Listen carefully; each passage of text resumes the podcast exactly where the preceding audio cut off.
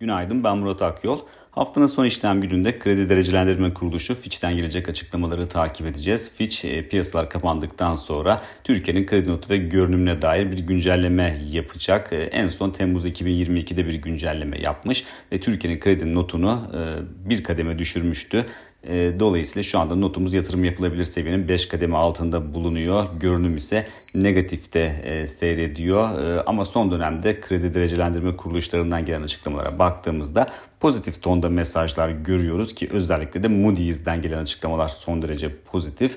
E, Ağustos ayında kurum bir açıklama yapmış ve öngörülebilir bir e, politika oluşmasının kredi notu açısından e, pozitif bir zemin yarattığına dikkat çekmişti ki dün de benzer bir açıklama geldi Moody's'den özellikle seçim sonrasında ekonomi politikasındaki değişimin kredi notu açısından olumlu olduğuna işaret etti kurum. Dolayısıyla bugün de Fitch'ten gelecek e, değerlendirmelerde bir değişiklik olup olmayacağını takip edeceğiz. E, notta bir e, değişiklik ihtimali zayıf bulunuyor ama diğer taraftan görünümde bir yukarı yönlü revizyon, negatif olan görünümde yukarı yönlü bir revizyon çok daha olası bir ihtimal olarak kabul edilebilir.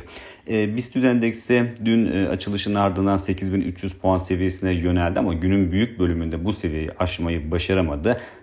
Fakat kapanışa bir saat kala Moody's'den gelen açıklamayla birlikte görünüm değişti. Endeks güç kazandı özellikle bankacılık sektörü öncülüğünde ve %2'ye yakın kazanımla günü tamamladı. Teknik açıdan baktığımızda zaten paylaşımlarımızda sık sık 8350 e, puan seviyesine kadar bir hareket alanı olduğuna dikkat çekiyorduk ki zaten dün de e, endeks bu seviyeyi test etti ve bu seviyenin hemen altında kapanış yaptı. Bu noktanın üzerinde kapanış yapılması durumunda haftanın son işlem gününde bunun gelecek hafta için teknik açıdan e, pozitif sinyaller vereceğini düşünüyoruz ama tabii ki e, Fitch'ten gelecek açıklamalarda gelecek haftaya e, nasıl başlayacağımızda oldukça e, belirleyici olacaktır. Dolayısıyla e, onu da e, piyasalar yakından takip edecektir. Dolar TL kuruna baktığımızda o da çok belirgin bir değişim olmamakla birlikte hafif yukarı yönlü bir eğilim görüyoruz ama gelişmekte olan ülke para birimlerinin hemen hemen hepsinde benzer bir durum söz konusu. Özellikle Amerika'da son dönemde açıklanan makroekonomik verilerin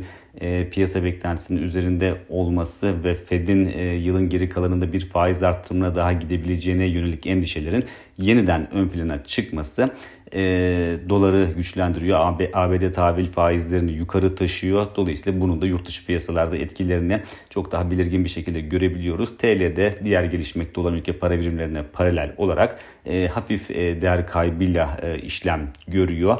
E, burada tabii önümüzdeki dönemde özellikle makroekonomik verilere hassasiyetin yüksek seyretmesi beklenebilir. Özellikle dolar e, açısından baktığımızda ki gelecek haftada Amerika'da e, tüfe rakamı açıklanacak. Ağustos ayı tüfe rakamı dolayısıyla piyasalar o veriyi de görmek isteyecektir. E, oraya kadar o veriye kadar endişeler e, FED'e dair endişeler devam edebileceği için e, doların da küresel ölçekte diğer para birimlerine karşı biraz daha güçlü bir e, görünüm sergilemesi sürpriz olmayacaktır.